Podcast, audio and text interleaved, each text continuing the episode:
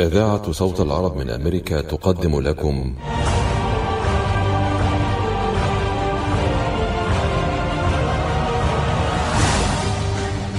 شاهد عيان.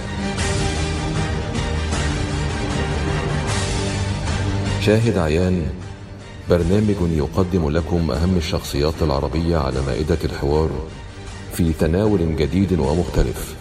لموضوعات تهم الجاليات العربية في أمريكا والعرب في منطقة الشرق الأوسط.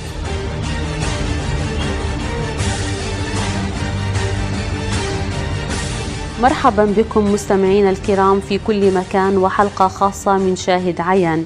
نستعرض معكم اليوم مسيرة شهيدة الصحافة العربية والعالمية شيرين أبو عاقلة ومحطات من حياتها المهنية والإنسانية التي امتدت لأكثر من 25 عام كانت فيها صوت الحق في مواجهة جبروت الاحتلال لتكون أحد ضحايا جرائمه وتنتهي حياتها بأحد رصاصاته لتستحق عن جدارة لقب صوت الحرب والسلام. هذا البرنامج يأتيكم برعاية بينما كنا نجلس في بيوتنا مطمئنين كان علماؤنا يعملون ليل نهار لإيجاد لقاح لفيروس كوفيد 19 شكلت الأبحاث التي انطلقت منذ عقود حول أنواع أخرى من فيروس كورونا نقطة بداية في رحلة استغرقت أشهرا من البحث والتطوير بالتعاون مع خبراء من جميع أنحاء العالم. وبعد الحصول على نتائج سريرية واعدة لعشرات آلاف المتطوعين توصل العلماء أخيرا إلى لقاح آمن وفعال حيث تم حتى حتى يومنا هذا تلقيح مئات الآلاف من الأشخاص في ميشيغان والآن أصبح مصيرنا بين أيدينا لنأخذ اللقاح في أول فرصة ممكنة ولنستمر في ارتداء الكمامة ولنأخذ الاحتياطات اللازمة حتى نصل إلى بر الأمان والتحرر من فيروس كورونا. للحصول على أكثر المعلومات مصداقية زوروا الموقع الإلكتروني michigan.gov/covid vaccine. هذه الرسالة بدعم من وزارة الصحة والخدمات الإنسانية في ولاية ميشيغان الساعة التاسعة وسبعة عشر دقيقة أوف لقد تأخرت يجب أن أسرع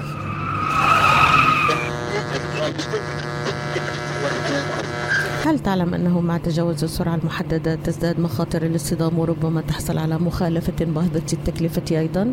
خلال عام واحد وقع 22 ألف حادث اصطدام بسبب السرعة في ميشيغان مما أسفر عن 200 حالة وفاة ماذا؟ كيف عرفت أنني مسرع؟ ثم لو لم أكن لوحدي في السيارة لما أسرعت هل تعلم أيضا أنك بسبب السرعة تعرض حياة الركاب والمشاة الآخرين للخطر بما فيهم الأطفال والحيوانات؟ كيف تعرفين كل هذه الأشياء؟ إني أعرف كل شيء كيفن؟ كلما زادت سرعتك فوق الحد المسموح به كلما زادت مخاطر ارتكابك للحوادث. خفف السرعة. هناك من يراقب سرعتك الآن. رسالة من مكتب تخطيط سلامة الطرق السريعة في ولاية ميشيغان. يوسف الحسن شايفك لا يوم جاي حالك عالي إلي ساعة عم بستناك. مشان نروح نتغدى بالشام. الشام؟ إيه بالشام. ومو بالشام. شلون صارت هي؟ بدل ما نروح نتغدى بالشام إيه. جابوا لنا الأكلات الشامية الطيبة لعنا لهم. وشلون بقى؟ هذا مطعم دماس عم يعمل كل الأكلات الشامية الطيبة. هو وطيبة؟ طيبة كتير. شرفوا نتغدى سوا بمطعم Damas.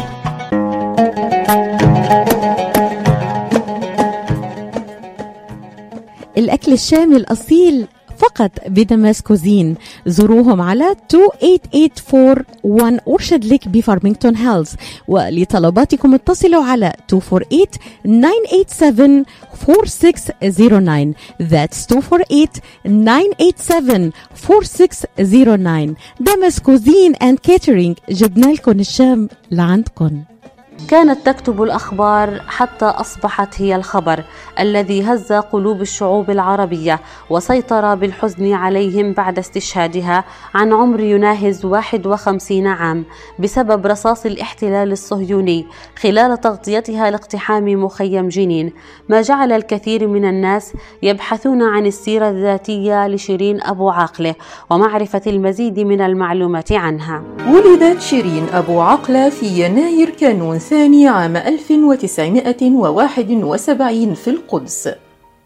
وتخرجت من مدرسة راهبات الوردية في بيت حنينة في مدينة القدس وتحمل الجنسية الأمريكية من والديها.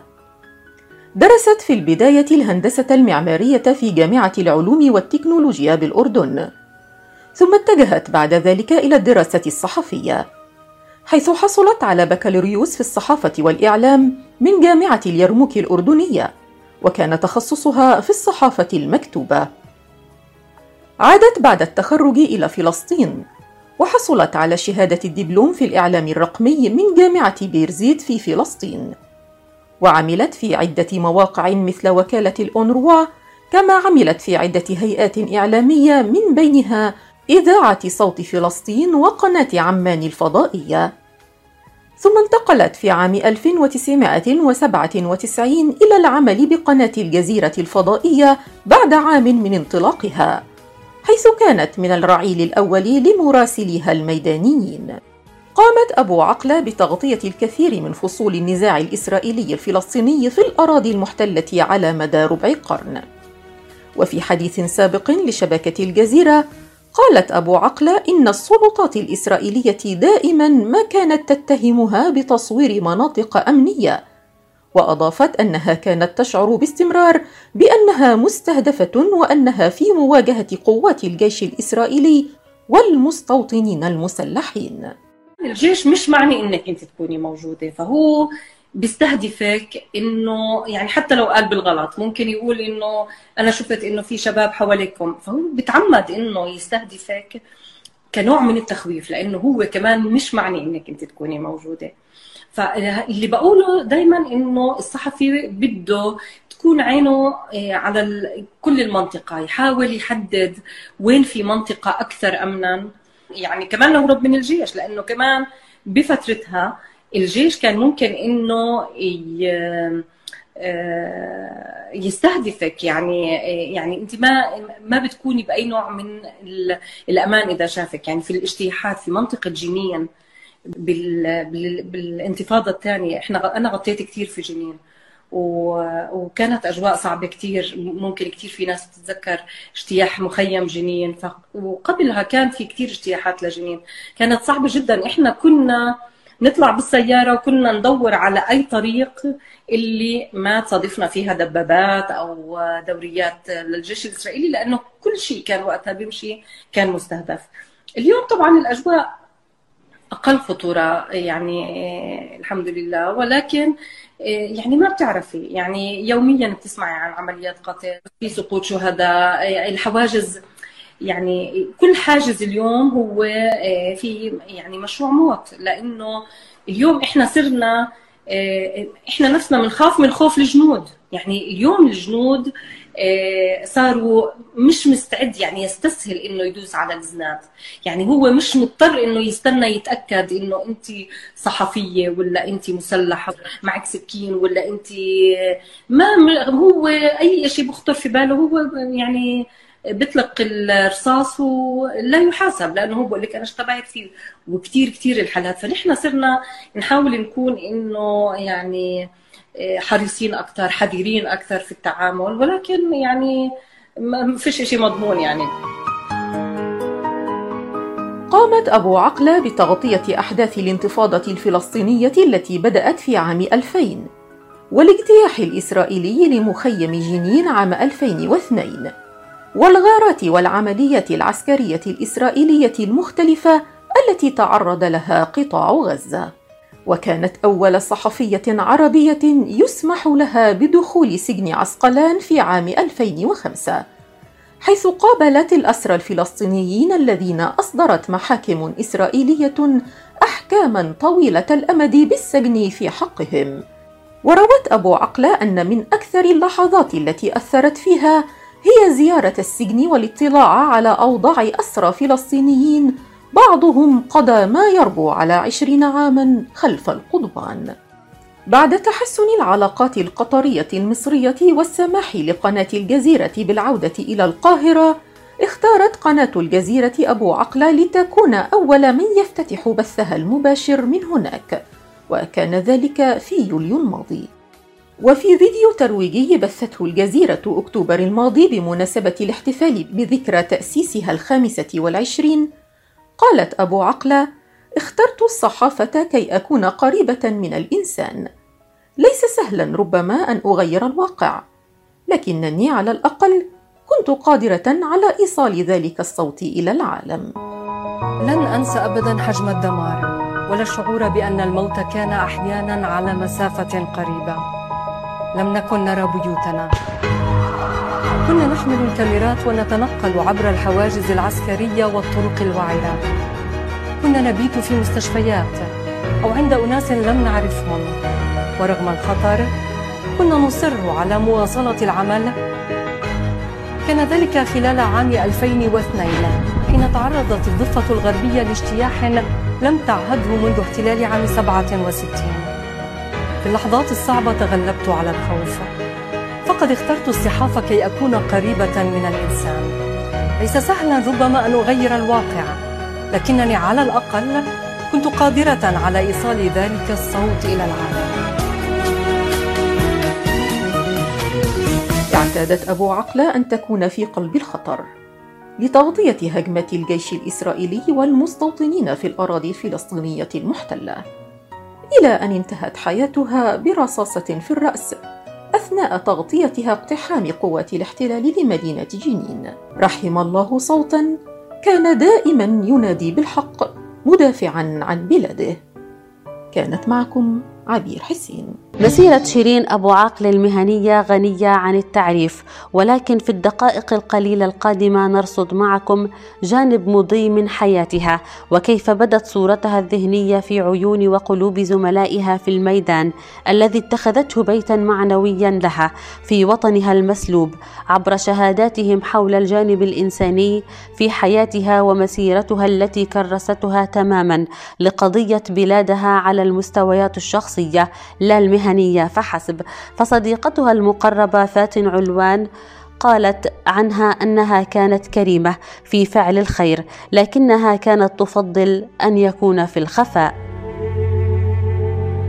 كثير حملات إحنا بنعملها لمساعدة الآخرين وعمل الخير. شيرين كانت على السكت. لحد يوم ما قبل ما تنزل على جنين كنت معلنة عن كيس. فبتقول لي هيهم معي أعطيك إياهم هلأ ولا لا أرجع. فبقولها لا ترجع. لا ترجع. شيرين قبل ما تسافر دايما أو أي مشوار بيكون عندها مشوار طويل. لازم أروح أساعدها تضب شنطتها عشان اذا هي ما حدا رتب لها اللبسة. رح تاخذ كل الخزانة. ودائما لازم تاخذ شنطة كبيرة. عشان لازم تاخذ مخدتها معها.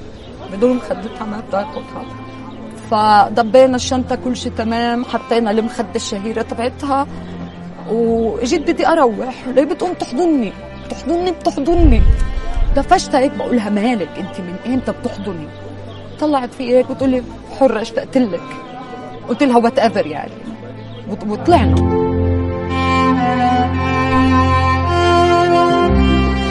إيه، كثير مواقف. وقت وقت وفاة أختي. وقت ما صار عندي مشكلة بالشغل وقت ما انسجنت. ما ما بدك ثلاث سنين لاخلص لك. حكي عن المواقف هذا الشيء. يعني أنا أهلي ما بنادوها غير بنت علوان.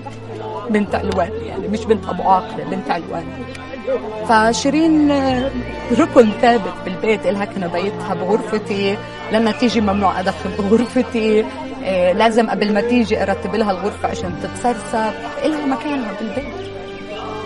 وإلي مكاني في بيتها.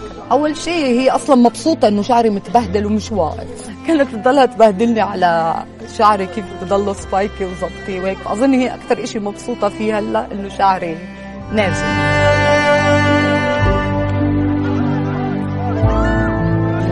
أنا اليوم إجيت تهريب عشان أحضر جنازة صاحبتي. طالعة مش عارفة إذا أنا رح أوصل على جنازتها أو مش رح أوصل. ما بعرف. شيرين كان عندها إيمان. ايمان أعمى بأنه المشهد اللي شفناه اليوم بالجنازة يصير حقيقة. يمكن ما شافته وهي على قيد الحياة بس شافته وهي على قيد الروح. كانت تشوف هذا المشهد كانت تشوف إنه تاخذنا على القدس بسيارتها نمشي مع بعض. شيرين كانت دائما بقولوا لي كيف انت وشيرين صحبة؟ إيه، هي كثير هادية وأنا كثير مندفعة. كانت دائما في سواء أول مرة تصوت ولا ثاني مرة تصوت ولا ثالث مرة تصوت. إيه تبهدلني انت ما بتفكري قبل ما تنزلي. انت من دفعة لازم شوي شوي. هيها فكرت طول الوقت خايفة إنه تودعني. اليوم أنا عم بودعها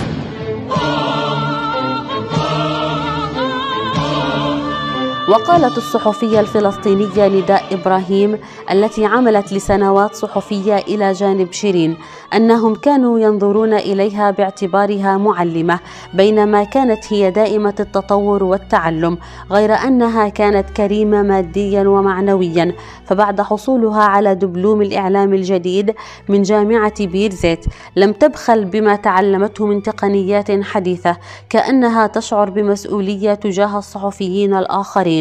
لاستكمال ما تقوم هي به فضلا عن تشجيعها الدائم لهم. فالصحافة بالنسبة لها ليست مجرد مهنة بل أسلوب حياة وواجب إنساني كما كانت تعير أسر الأسرى والشهداء والمصابين اهتمامها وكانوا يعنون لها الكثير. أول إنه هي صحفية جريئة شجاعة بس لطيفة كتير متواضعة محبوبة وأخذت قبل سنتين دبلوم من جامعة برزيت بالإعلام الجديد. كانت هيك تفرجينا كيف عم تعمل مونتاج للتقارير بالموبايل عشان تتعلم على هاد الصحافة الجديدة. كانت برضو جديد بلشت تتعلم عبري وبدها تقرأ الإعلام الإسرائيلي عشان تعرف إيش بيحكوا عنا فهي بالنسبة إلها الصحافة يعني مش وظيفة يعني هي أسلوب حياة. هي حدا محبوب يعني كتير في كل فلسطين يعني كل بيت اليوم حس حاله خسر جزء منه يعني. آه، ناس ما بيعرفوها شخصيا بيقولوا لي إنهم كانوا يعني حسوا إنه خسروا جزء من طفولتهم. المصور الفلسطيني أسامة سلوادي الذي أصيب بعجز في ساقيه إثر استهداف قناص إسرائيلي له أثناء تغطيته تشييع شهيد عام 2006 قال عنها أنها كانت مثالا للمهنية والشجاعة كما كانت مثالا في الأخلاق والتعاون. خير داعم للجميع. شيرين عشقت هذه المهنة شيرين عشقت هذا العمل فأبدعت فيه. وهذا هو ديدن أهل العشق. يعشقون فيبدعون. شيرين طيف طيف ملائكي يعني في فلسطين بتحببك في البلد أكثر وعندما تأتي إلى الدوحة الدوحة تصير أجمل بحضورها. شيرين الإنسانة وشيرين الزميلة. وشيرين المدرسة التي يقتدي بها الكثير الكثير من الصحفيين العرب والمراسلين العرب. وتسألينني ماذا تتذكر عن شيرين؟ أتذكر أولا شيرين الإنسانة الخلوقة المؤدبة. ماذا أقول أكثر من ذلك؟ شيرين إنسانة حقيقية مكتنزة بالإنسانية بالحب تحب الناس. من الذكريات التي ما زالت تسكن ذاكرتي. كيف غطت لي ساعات وساعات حادثة إلقاء القبض على الأمين العام للجامعة الشعبية؟ لأنه كنت على الهواء وأتذكر هذا اليوم بقيت من الساعة العاشرة صباحا إلى الساعة الخامسة مساء وقلت بأنه أنا على الأقل جالسة على كرسي تحت التكييف ولكن شيرين رحمها الله كانت يعني تنتقل من مكان إلى مكان والكاميرا وتحمل الكاميرا وتصور وبدون أكل بدون شرب بدون استراحة ما فيش راحة. أنا عندي عندي آه، سنوات قليلة ابتعدت عن الأخبار شوية. شيرين رجعتني للتغطيات الأخبارية الفورية. يعني أنا سنوات لم تطلبني الجزيرة لآتي على جناح السرعة لتغطية حدث. كنت أتمنى أن يكون حدث آخر غير اغتيال شيرين. شيرين التي عرفناها وخبرناها وعملنا معها لم تكن مراسلة عادية كانت مراسلة استثنائية بكل المقاييس. شيرين التي على مدار 24 سنة ونصف سنة لم ترسل في يوم من الأيام خبرا غير مسند بمصدر خبرا غير صحيح. تقريرا فيه أخطاء لا أخطاء سياسية ولا أخطاء لغوية. وداعا. هذه شيرين رحمه الله. هذا البرنامج يأتيكم برعاية. تحس إنه إيديك عم تنمل أو كتفك عم يجمد أو أصابعك عم تورم ما عم تقدر تشتغل فيهم مثل ما بتريد. مرحبا أنا الدكتور عبد المجيد قطرنجي. زورونا بموقعنا الإلكتروني www.kachanjihandcenter.com لتتعرفوا على كيفية العلاجات لإصابات اليد والكتف والكوع. وإن شاء الله تقدروا تشاركونا بافتتاح مركزنا الجديد في تروي ميشيغان. ونتمنى لكم العفو والعافية. للمواعيد زورونا في عيادتنا الواقعة على 1565 في مدينة تروي البناء F أو اتصلوا بنا على الرقم 248-869-4263 That's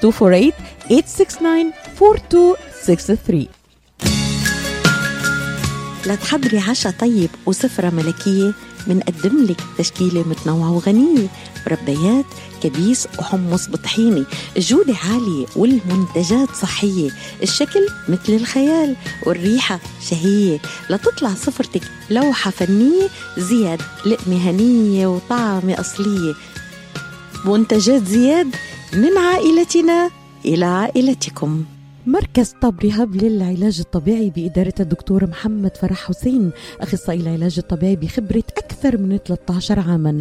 طب رهاب يقدم خدمات العلاج الطبيعي وإعادة التأهيل ويضم مجموعة من أفضل أخصائي التشخيص الدقيق للحالات المرضية مع خبرة عالية في التعامل مع الحالات التي تحتاج إلى إعادة تأهيل وعناية خاصة بعد العمليات والكسور. طب رهاب يستقبل كل الحالات المتعلقة بألم الرقبة، الظهر، المفاصل، شلل الوجه، الانزلاق الغضروفي، عرق النساء، الحوادث وإصابات العمل. خبيرات في المعالجة النسائية لخصوصيات تامة للسيدات. عندما تبحثون عن رعاية متميزة اقصدوا توب ريهاب للعلاج الطبيعي. الواقع على 15001 ميشيغان افنيو وللمواعيد اتصلوا على 313 846 0555 That's 846 0555 كان اسم شيرين أبو عاقلة معروفا في البلدان العربية وكان حضورها الهادئ والمؤثر في آن واحد يسمع في بيوت وساحات ومخيمات عدة عندما كان العرب يتابعون قناة الجزيرة. وانضمت إلى فريق الجزيرة في الربع الأخير من العام الأول من عمر الجزيرة الزميلة شيرين أبو عاقلة مراسلة ثانية من القدس. نقلت لكم قناة الجزيرة على مدار عام كامل تغطية شاملة وكاملة للأخبار من موقع الأحداث في داخل المناطق الفلسطينية والإسرائيلية على حد سواء. وهو ما نأمل أن نواصل القيام به على أكمل وجه في المستقبل أيضا. فترقبوا تقارير مفصلة عن الأوضاع في هذه المنطقة الساخنة. شيرين كانت موجودة في قلب كل حدث ذي مغزى وأهمية.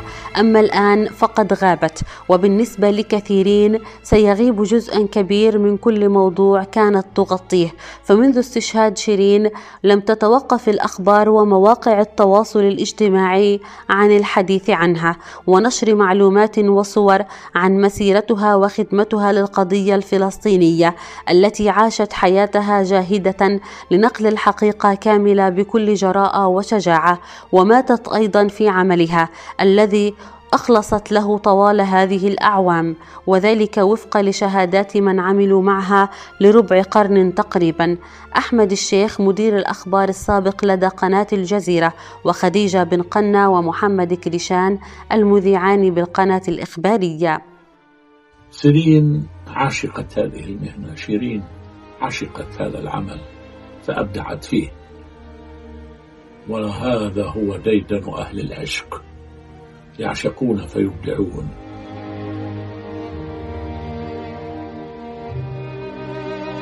شيرين طيف طيف ملائكي يعني في فلسطين بتحببك في البلد أكثر وعندما تأتي إلى الدوحة الدوحة تصير أجمل بحضور حرصت شيرين على أن لا تضع مشاعرها في الأخبار.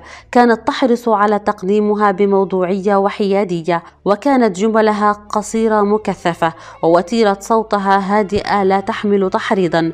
ونقل عنها أنها كانت تقول لا أريد تسييس قصتي أريد أن أعطي وقائع ومعلومات. شيرين الإنسانة وشيرين الزميلة وشيرين المدرسة التي يقتدي بها الكثير الكثير من الصحفيين العرب والمراسلين العرب. كما كانت تشارك خبراتها مع الآخرين دون تردد وتساعد الجميع كما أوضحت الصحفية رولا أبو حسنين من الضفة الغربية. يعني عند الحديث عن شيرين أبو عاقلة نجد أننا نتحدث عن قامة فلسطينية لا أستطيع حصرها بكونها مراسلة. آه، صحفية فقط ولكن آه، يعني هي تمثل قدوة ونموذج لجيل كامل كبر على صورة شيرين وصورتها على صوت وصورة شيرين عبر الشاشة وهي يعني تتنقل بين المخيمات والبلدات الفلسطينية. يعني عرفنا منها أسماء أسماء هذه البلدات والقرى والمخيمات التي هجرنا منها والتي يعني صنعها أجدادنا. اليوم ونحن نتحدث يعني عن اغتيال شيرين أبو عاقلة والصورة التي تمثلها لفلسطين. فقد كانت يعني في كل إطلالة لها نعد أنفسنا بخبر سعيد بنصر قريب يعني بأمل دائما لدينا أمل من خلال إطلالة شيرين أبو عاقلة عبر الشاشة. تتحدث عن هذا الهم فهي آه، في الحقيقة هي صورة لفلسطين يعني في آه، في مشهدها انعكاس آه، لفلسطين. ويعني لن ينجو الاحتلال بغدره منها على العكس يعني هو أراد إسكات صوتها. ولكن يعني كانت المفاجأة أن إجماع شعبي وطني يعني بكل المقاييس يجمع على شيرين سواء مع اختلاف الدين أو الرؤى أو المبادئ.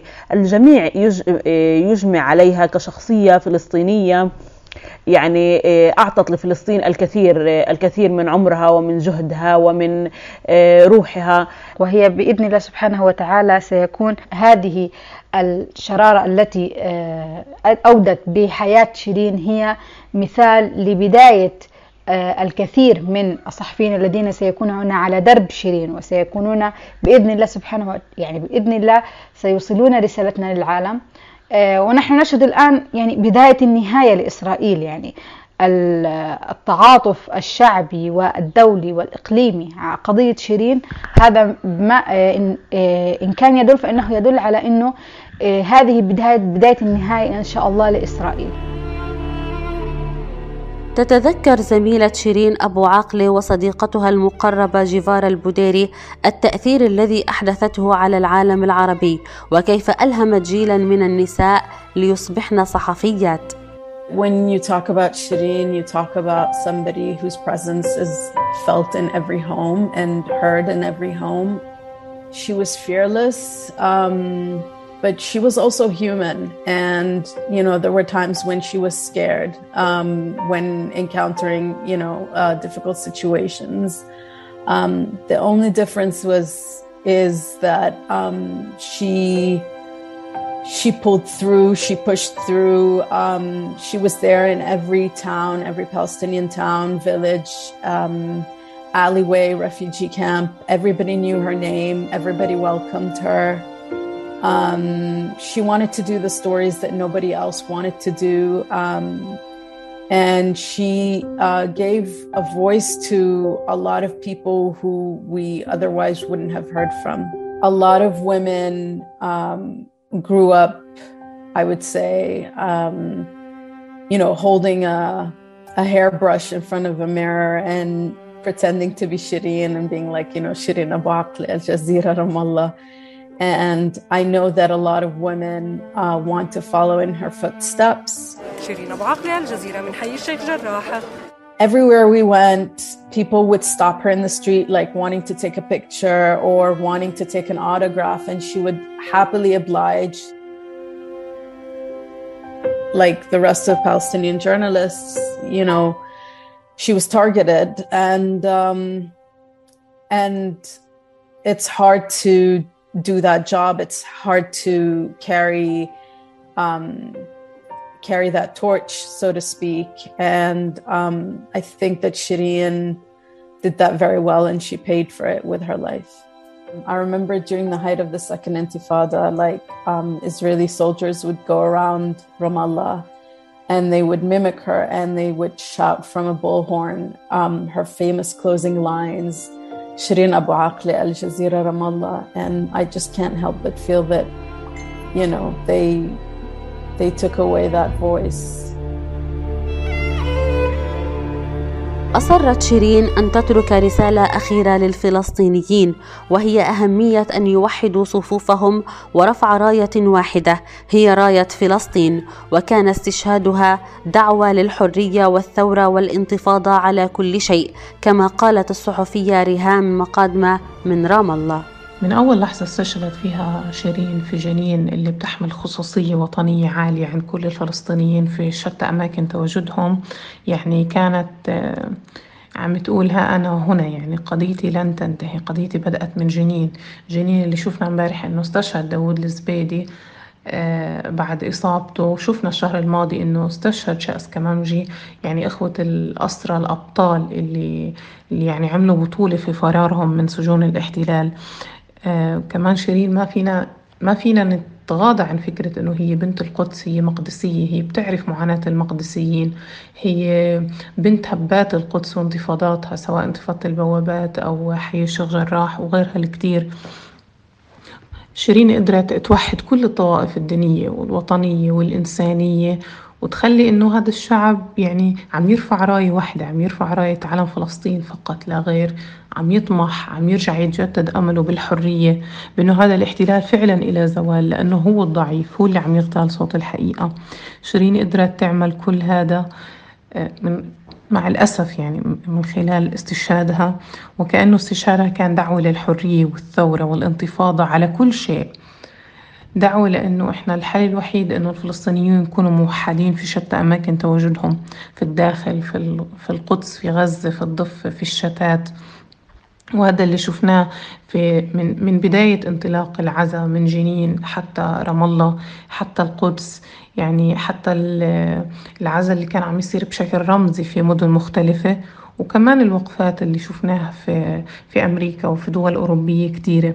شيرين يعني حتى اللحظة الأخيرة أصرت إنها تترك رسالة للفلسطينيين. كانت من خلال تقريرها تبع النكبة الذكرى الأربعة وسبعين لنكبة فلسطين.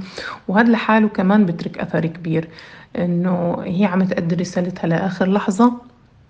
عم تنقل معاناة الفلسطينيين مع نكبتهم مدة 74 سنة من خلال التقرير الأخير اللي قدمته وكأنها عم تقولهم لن ننسى. يعني إحنا شعب منكوب من 74 سنة وأكثر ومش لازم صوت الحقيقة تبعنا يوقف. يعني كمان كمان في شغلة مهمة إلها علاقة بحجم التفاف الناس نحو فكرة الحرية وكأنه فعلا شيرين قدرت تكون رمز حقيقي بيلتفوا حوالين الناس لأنه بيمثل حرية وثورة وحقيقة. واللي شفناه بحجم الاعتداءات اللي صارت على حاملين نعش سواء نساء أو رجال حجم العزل اللي شفناه. يعني امبارح صراحة عزا شيرين في رام الله كان شيء فوق الخيال. يعني كل الشوارع المؤدية للمكان المتواجد فيه العزاء عند مجمع رام الله الترويحي الشوارع كانت مليانة بالسيارات. أي شخص بيدخل يعزي ما بيقدر يقعد غير خمس دقايق عشر دقايق بالكتير ويطلع كمان مرة نظرا لأنه كم الناس اللي عم تيجي تعزي غير معقول. العزاء كان من الساعة 3 للساعة 9 فعليا قاعة العزاء ما فضيت لحظة رغم مساحتها الكبيرة. على الطريق. ما فيك تسألي العالم إنه وين مجمع رام الله الترويحي. فعليا لو وقفتي أي حدا امبارح وسألتيه وين عزا شيرين رح يدلك. يعني تحولت شيرين فعلا لرمز وأيقونة فلسطينية. بتحفز الفلسطينيين وبتذكرهم انهم شعب رح يضل منتفض حتى زوال الاحتلال. هذا البرنامج يأتيكم برعاية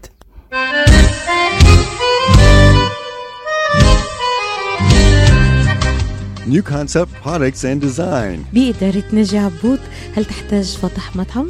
هل تحتاج فتح محل المواد الغذائية؟ هل تحتاج تصاميم وخرائط؟ اتصل بناجي عبود على الرقم 734 هل تريد شراء معدات المطابخ والمطاعم وبأسعار مخفضة وتسهيلات بالدافع اتصل بنجي عبود الآن على الرقم 734-744-9796 خصم 5% عند الشراء ب 75 ألف أو أكثر على كافة المواد. لمزيد من المعلومات زوروا موقعهم الإلكتروني على www.newconceptproducts.com أو زوروهم في موقعهم الجديد. 31185 Schoolcraft in Livonia. ناجي عبود العلامة المميزة في عالم المطابخ.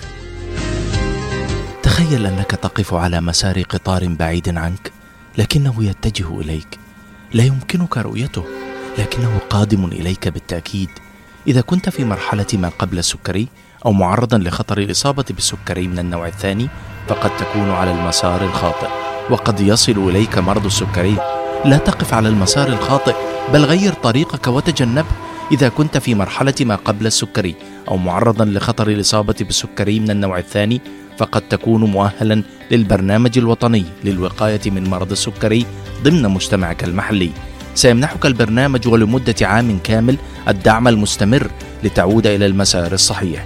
لم يفقد المشاركون الوزن فحسب بل قللوا من خطر إصابتهم بالسكري من النوع الثاني إلى النصف. هل أنت مستعد للانضمام إلى مستقبل أكثر صحة؟ اعرف المزيد عن البرنامج الوطني للوقاية من مرض السكري وإمكانية التعامل معه. قم بزيارة michigan.gov/diabetes رسالة من وزارة الصحة والخدمات الإنسانية في ولاية ميشيغان. مرحبا سعيد. أهلا علا. ليش هالمقابلة الفاترة هي؟ بيقول المثل لاقيني ولا تغديني. يمه زعلتي. شنو رأيك إذا لقيتك وأيضا غديتك بأحسن مطاعم ميشيغان مطعم عشتار والله فكرة. أفضل الأطباق والمقبلات العربية والعراقية وأحلى ملقا ولا تنسين اللحوم الطازجة مباشرة من ملحمة عشتار لزباين عشتار. وملحمة عشتار توفر اختيارات متنوعة من كافة أنواع اللحوم وبأسعار متميزة وجودة أيضا مميزة. ملحمة عشتار تقع على 36865 Ryan Road في مدينة Sterling Heights وأكيد أحلى لمة وأطيب لقمة في مطعم عشتار اللي عنوانه 3625 15 Mile Road في مدينة Sterling Heights هاتف 586-698-2585 586-698-2585 يلا علا. يلا عشتار للجودة وكرم الضيافة عنوان. مطعم عشتار. وكأنها حملت على عاتقها كشف الحقيقة حية وميتة. فعلى مدى 25 عاما لعبت شيرين أبو عاقلة دورا كبيرا في كشف جرائم الاحتلال من خلال تغطيتها الإخبارية المتميزة للأحداث والتطورات في الأراضي الفلسطينية. وأبت إلا أن تغادر عالمنا شهيده للحقيقة لتكشف للعالم جريمة أخرى ظل يتجاهلها ويغض الطرف عنها جريمة قتل الحقيقة التي ارتكبها الاحتلال ضد شيرين وغيرها من الصحفيين والإعلاميين الذين استهدفتهم اله قتله الوحشية على مدى عقود بهدف طمس الحقيقة وإفساح المجال أمامه لارتكاب المزيد من الجرائم بصمت. هذا ما أكدته الرئاسة الفلسطينية في تعليقها على حادث اغتيال شيرين أبو عاقلة. وهذا أيضا ما قالته الإعلامية شذا حنايشة التي كانت رفقة شيرين حينما تم اغتيالها حيث أكدت أن ما حدث جريمة اغتيال واضحة مشيرة إلى أن تقدمهم كان على مرأى القناص وفي منطقة مكشوفة وكانت هويتهم الصحفية واضحة حيث كانوا يرتدون الزي الصحفي الكامل ويحملون من الاحتلال تعمد إطلاق النار علينا إحنا الصحفيين. آه، إطلاق النار كان مباشر وما توقف بداية بإصابة بإصابة الزميل علي السمودي. واستمر وأطلقوا النار كمان على زميلة شيرين. واستمر إطلاق النار حتى لما كنت أنا بحاول أسحبها أو حتى لما الشبان كانوا بيحاولوا يتقدموا عشان يسحبوها. جيش الاحتلال تعمد قتلنا. آه، تعمد إطلاق النار علينا. الموقف المكان اللي إحنا كنا متواجدين فيه بالبداية كان منطقة مفتوحة. الاحتلال أطلق النار على أو ما أطلق النار في المنطقة اللي إحنا كنا موجودين فيها. كان لو ما بده إيانا نتقدم كان ممكن يطلق آه، رصاص تحذيري ليمنعنا من الاقتراب. لا بالعكس الاحتلال انتظر وصولنا لمنطقة صعب الرجوع منها وبدأ بإطلاق النار علينا. كان خلفنا جدار والقناص أمامنا وبدأ اطلاق النار وإحنا كان رجوعنا يعني كان رجوعنا أصلا مرتبط بإطلاق النار علينا. فاللي صار أنا بسميه استهداف واضح لنا يعني آه، أنا بأكد اللي أصلا اللي منحنا الجرأة إنه نقترب من الجنود آه، أو من جيش الاحتلال مكان تواجد جيش الاحتلال إنه ما كان في أي إطلاق نار من الشبان وما كان في مواجهات في المنطقة نفسها. المنطقة اللي إحنا كنا موجودين فيها على اطراف المخيم إحنا الجيش الاحتلال كان أمامنا وقفنا في منطقة كانت مركبات جيش الاحتلال بتشاهدنا وقفنا لمدة 10 دقائق لحتى الاحتلال يعرف إنه إحنا صحفيين بنزينا وبس بلشنا نتقدم. يعني المنطقة المفتوحة سمح لنا نمشي فيها سمح لنا نوصل لمنطقة هو أمامنا وخلفنا جدار وصعب الرجوع.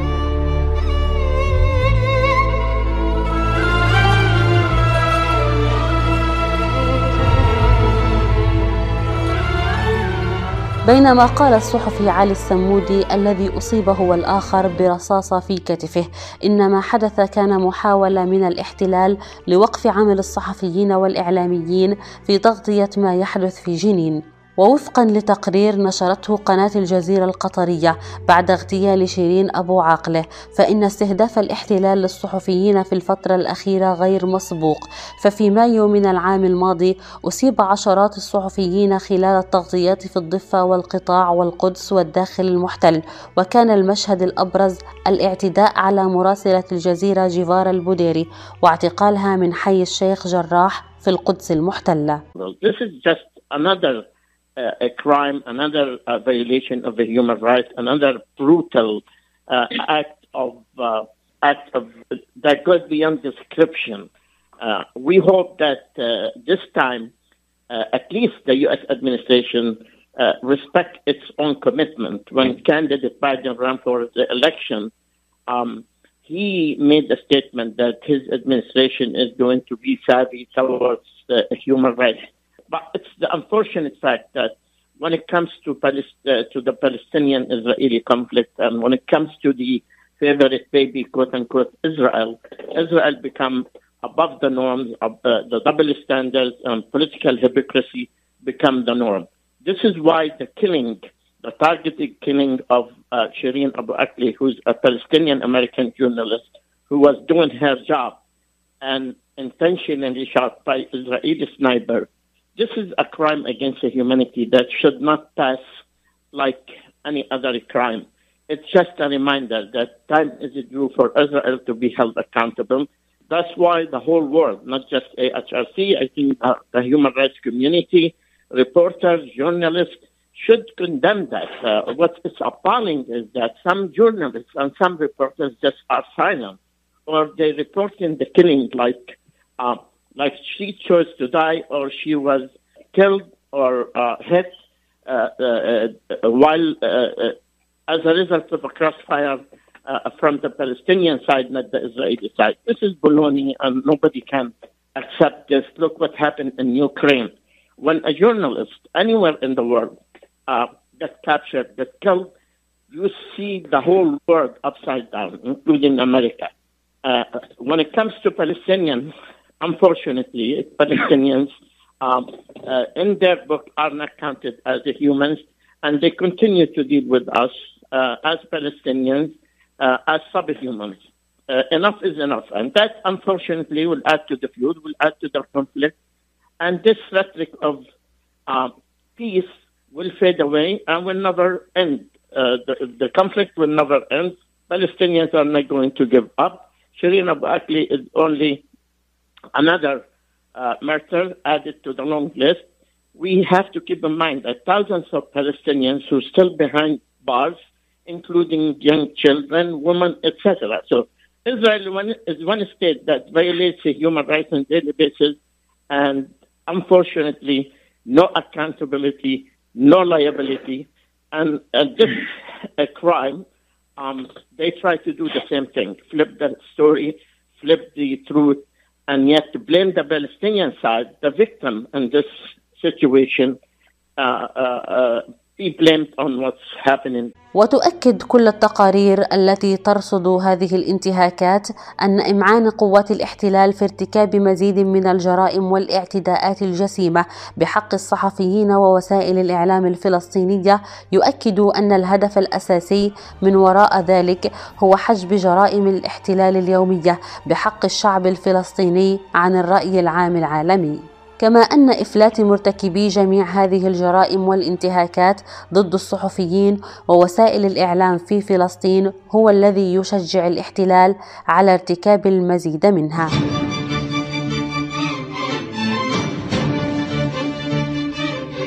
الرسالة الأقوى من استشهاد شيرين أبو عاقلة أنها مسيحية فالعدو الإسرائيلي قتل المسيحيين والمسلمين واعتدى على مقدساتهم وهدم بيوتهم فالجميع بخطر من سياسات النظام الإسرائيلي العنصري واللا إنساني الذي لن يتبدل.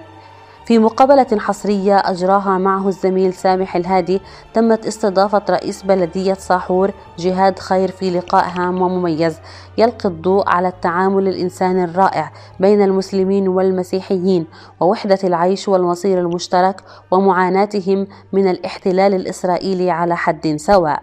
الاحتلال يحاول أن يضع فارق في نبذ في وضع يعني في وضعنا في قالب أن يكون هناك صراع أو عنصرية، يحاول زرع الفتنة من خلال جواسيسه من خلال عملائه يحاول زرع الفتنة، هناك بعض النفوس المريضة اللي تحاول زرع الفتنة، القضية الفلسطينية. والشعب الفلسطيني أكبر من كل محاولات هاي زرع هاي الفتن. الاحتلال ما بفرق لما بقتل شهيد وبيموت شهيد فلسطيني ما بيعرف هذا مسيحي أو مسلم أو بيطلع على هويته. وأول شهيد للقضية الفلسطينية كان هو السيد المسيح له المجد. قبل 2000 عام من صلب المسيح اليهود؟ ومن قتل المسيح اليهود؟ فأول شهيد هو المسيح. واليوم الشعب الفلسطيني عم بيقدم المسيحي والمسلم كشهداء من أجل القضية الفلسطينية ومن أجل حق تقرير المصير وسيادة الشعب الفلسطيني على أرضه بما يخص العلاقة نعم العلاقة علاقة استراتيجية وهذا موجود كنموذج على مستوى المؤسسات الصحية والتعليمية ومؤسسات الحكم المحلي والهيئات المحلية وكل مؤسسات الدولة. موجود هذه العلاقة. نحن نقول للاحتلال ونقول لكل من يحاول زرع الفتنة أن الشعب المسيحي هو أساس الوجود في أرض فلسطين وهم فسيفساء الشعب الفلسطيني. ولكن الإخوان المسلمين هم قوة وحاضنة الشعب الفلسطيني لأنه عدد المسلمين في دولة فلسطين هم أكثر من المسيحيين وإن كان في المثلث المسيحي في محافظة بيت لحم بيت سحور وبيت لحم وبيت جالة عدد المسيحيين يفوق عدد الإخوان المسلمين أو هاي المدن ولكن لا فرق بين مسيحي ومسلم. نحن فسيفساء هذا الأرض وإخواننا المسلمين هم قوة وجود وصمود المسيحي في أرضه وهم أساس لوجودنا في أرضنا أستكشف من خلال حديثك أنكم تتبعون مبدأ ربما قريب إلى حد كبير من الحكم الرشيد كأسلوب في الإدارة. نعم. آه، كونكم ذكرتم التشكيلة التي تدير المدينة ونسب المشاركة التي تعكس طبيعة السكان بشكل عام. هذا يقودني إلى رؤية الاحتلال الرسمية لكم. كيف تتعاملون مع سلطات الاحتلال؟ كيف يتعاملون معكم؟ هل يقدمون الخدمات؟ هل يقفون عائقا أمامها؟ لكن تسلط الضوء على؟ يعني للأسف الجانب الإسرائيلي يدعي أحيانا وبالإعلام بأنه يقدم تسهيلات للشعب الفلسطيني يسمح بالبناء آه، للهيئات المحلية في مناطق المسمى مناطق جيم ولكن وفي الحقيقة لا يوجد تسهيلات بل على العكس يوجد ممارسة عنف يوجد ممارسة آه، ضغوطات على الجانب الإسرائيلي من الجانب الإسرائيلي على الشعب الفلسطيني. وهذا متمثل أولا في الحصار الاقتصادي في الأزمة المالية التي خلقتها خلقها الجانب الإسرائيلي مع السلطة الوطنية الفلسطينية وهذا أثر على الهيئات المحلية وبلدية بيت صحور هي جزء من هذه الهيئات. احتجاز الضرائب والمخصصات. نعم احتجاز الضرائب والمخصصات وأيضا ممارسة الهمجية والعنف في عملية هدم البيوت. للسكان الفلسطينيين في مختلف الأراضي الفلسطينية في مناطق سيناء الجانب الإسرائيلي أو السلطات الإسرائيلية ما بتفرق ما بين مسيحي ومسلم عندما تقوم بأي أعمال همجية أو أي أعمال عنف ضد الشعب الفلسطيني. فمثلا قبل حوالي شهر تم هدم بيوت في وادي الحمص. قبل حوالي أسبوعين تم هدم مطعم سياحي لشخص مسيحي مواطن مسيحي من مدينة بيجالة في أرض المخروط قبل حوالي ثلاث سنوات تم هدم بيوت في بيرعونة قبل حوالي آه، شهرين أو ثلاث شهور كمان تم أيضا هدم بيوت في مدينة بيجال في مدينة نابلس في مدينة جنين في مدينة رام الله في الطيبة. آه، بيت صاحور إحنا بلدية بيت صاحور قبل حوالي ثلاث سنوات تم هدم مسلخ كنا عاملين مسلخ لتنظيم عمل آه، المسالخ في في في المحافظة وفي المدينة.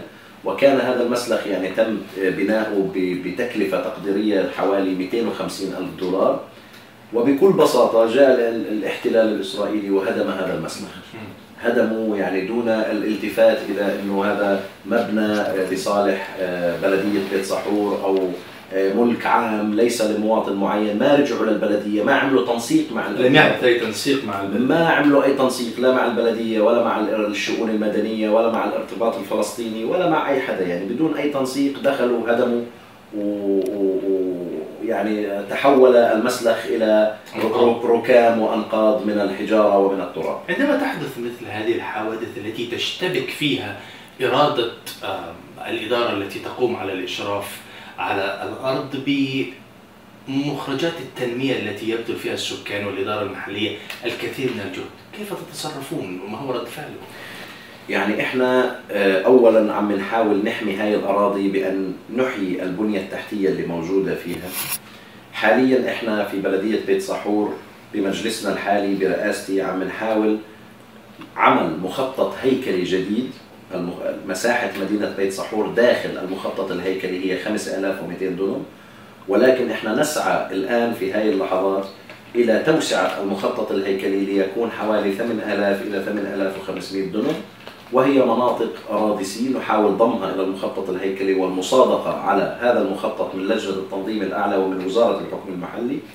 حتى نستطيع إحياء البنية التحتية من شق شوارع ومن تأهيل شوارع ومن زرع أعمدة إنارة وتوصيل شبكات المياه والصرف الصحي وتصريف مياه الأمطار إلى هذه الأراضي حتى يمكن استغلالها وحتى يمكن توسع أهل المدينة فيها. وأيضا في نفس الوقت عم نحاول من خلال القيادة الفلسطينية ومن خلال آه، وزارة آه، الشؤون المدنية والارتباط الفلسطيني بنحاول أن نتواصل مع الجانب الإسرائيلي كي لا آه، يعني نصرف الملايين من الدولارات وبالتالي يجوا يقوموا بأعمال آه، اللي بمعنى تبحثون عن ضمانات؟ نبحث عن ضمانات إلى حد ما كي لا تقوم يعني آه، إحنا كمان ما بدنا نخسر يعني هم في النهاية آه، لن ولن نسمح لهم بأن يستفيدوا من هذه الأراضي يعني هاي أراضي فلسطينية وهم يعلمون ذلك واصلا حسب اتفاقية أوسلو إذا بترجع لاتفاقية أوسلو كانت مناطق C هاي في مرحلة معينة ما لحد ما يكون ال transition period ما بين وجود احتلال وما بين دخول سلطة وطنية فلسطينية للسيطرة على الأمن والأمان آه، وفرض السيادة على الأرض الفلسطينية من قبل السلطة الوطنية الفلسطينية. ولكن للأسف لم يلتزم الإسرائيليون بهذه الاتفاقية لم تكن لمرحلة انتقالية بل استمرت. هي أوسلو من من أكثر من 25 سنة وهينا اليوم إحنا ما زلنا مناطق سي تحت السيادة الإسرائيلية ويمنع تصرف الفلسطينيين فيها.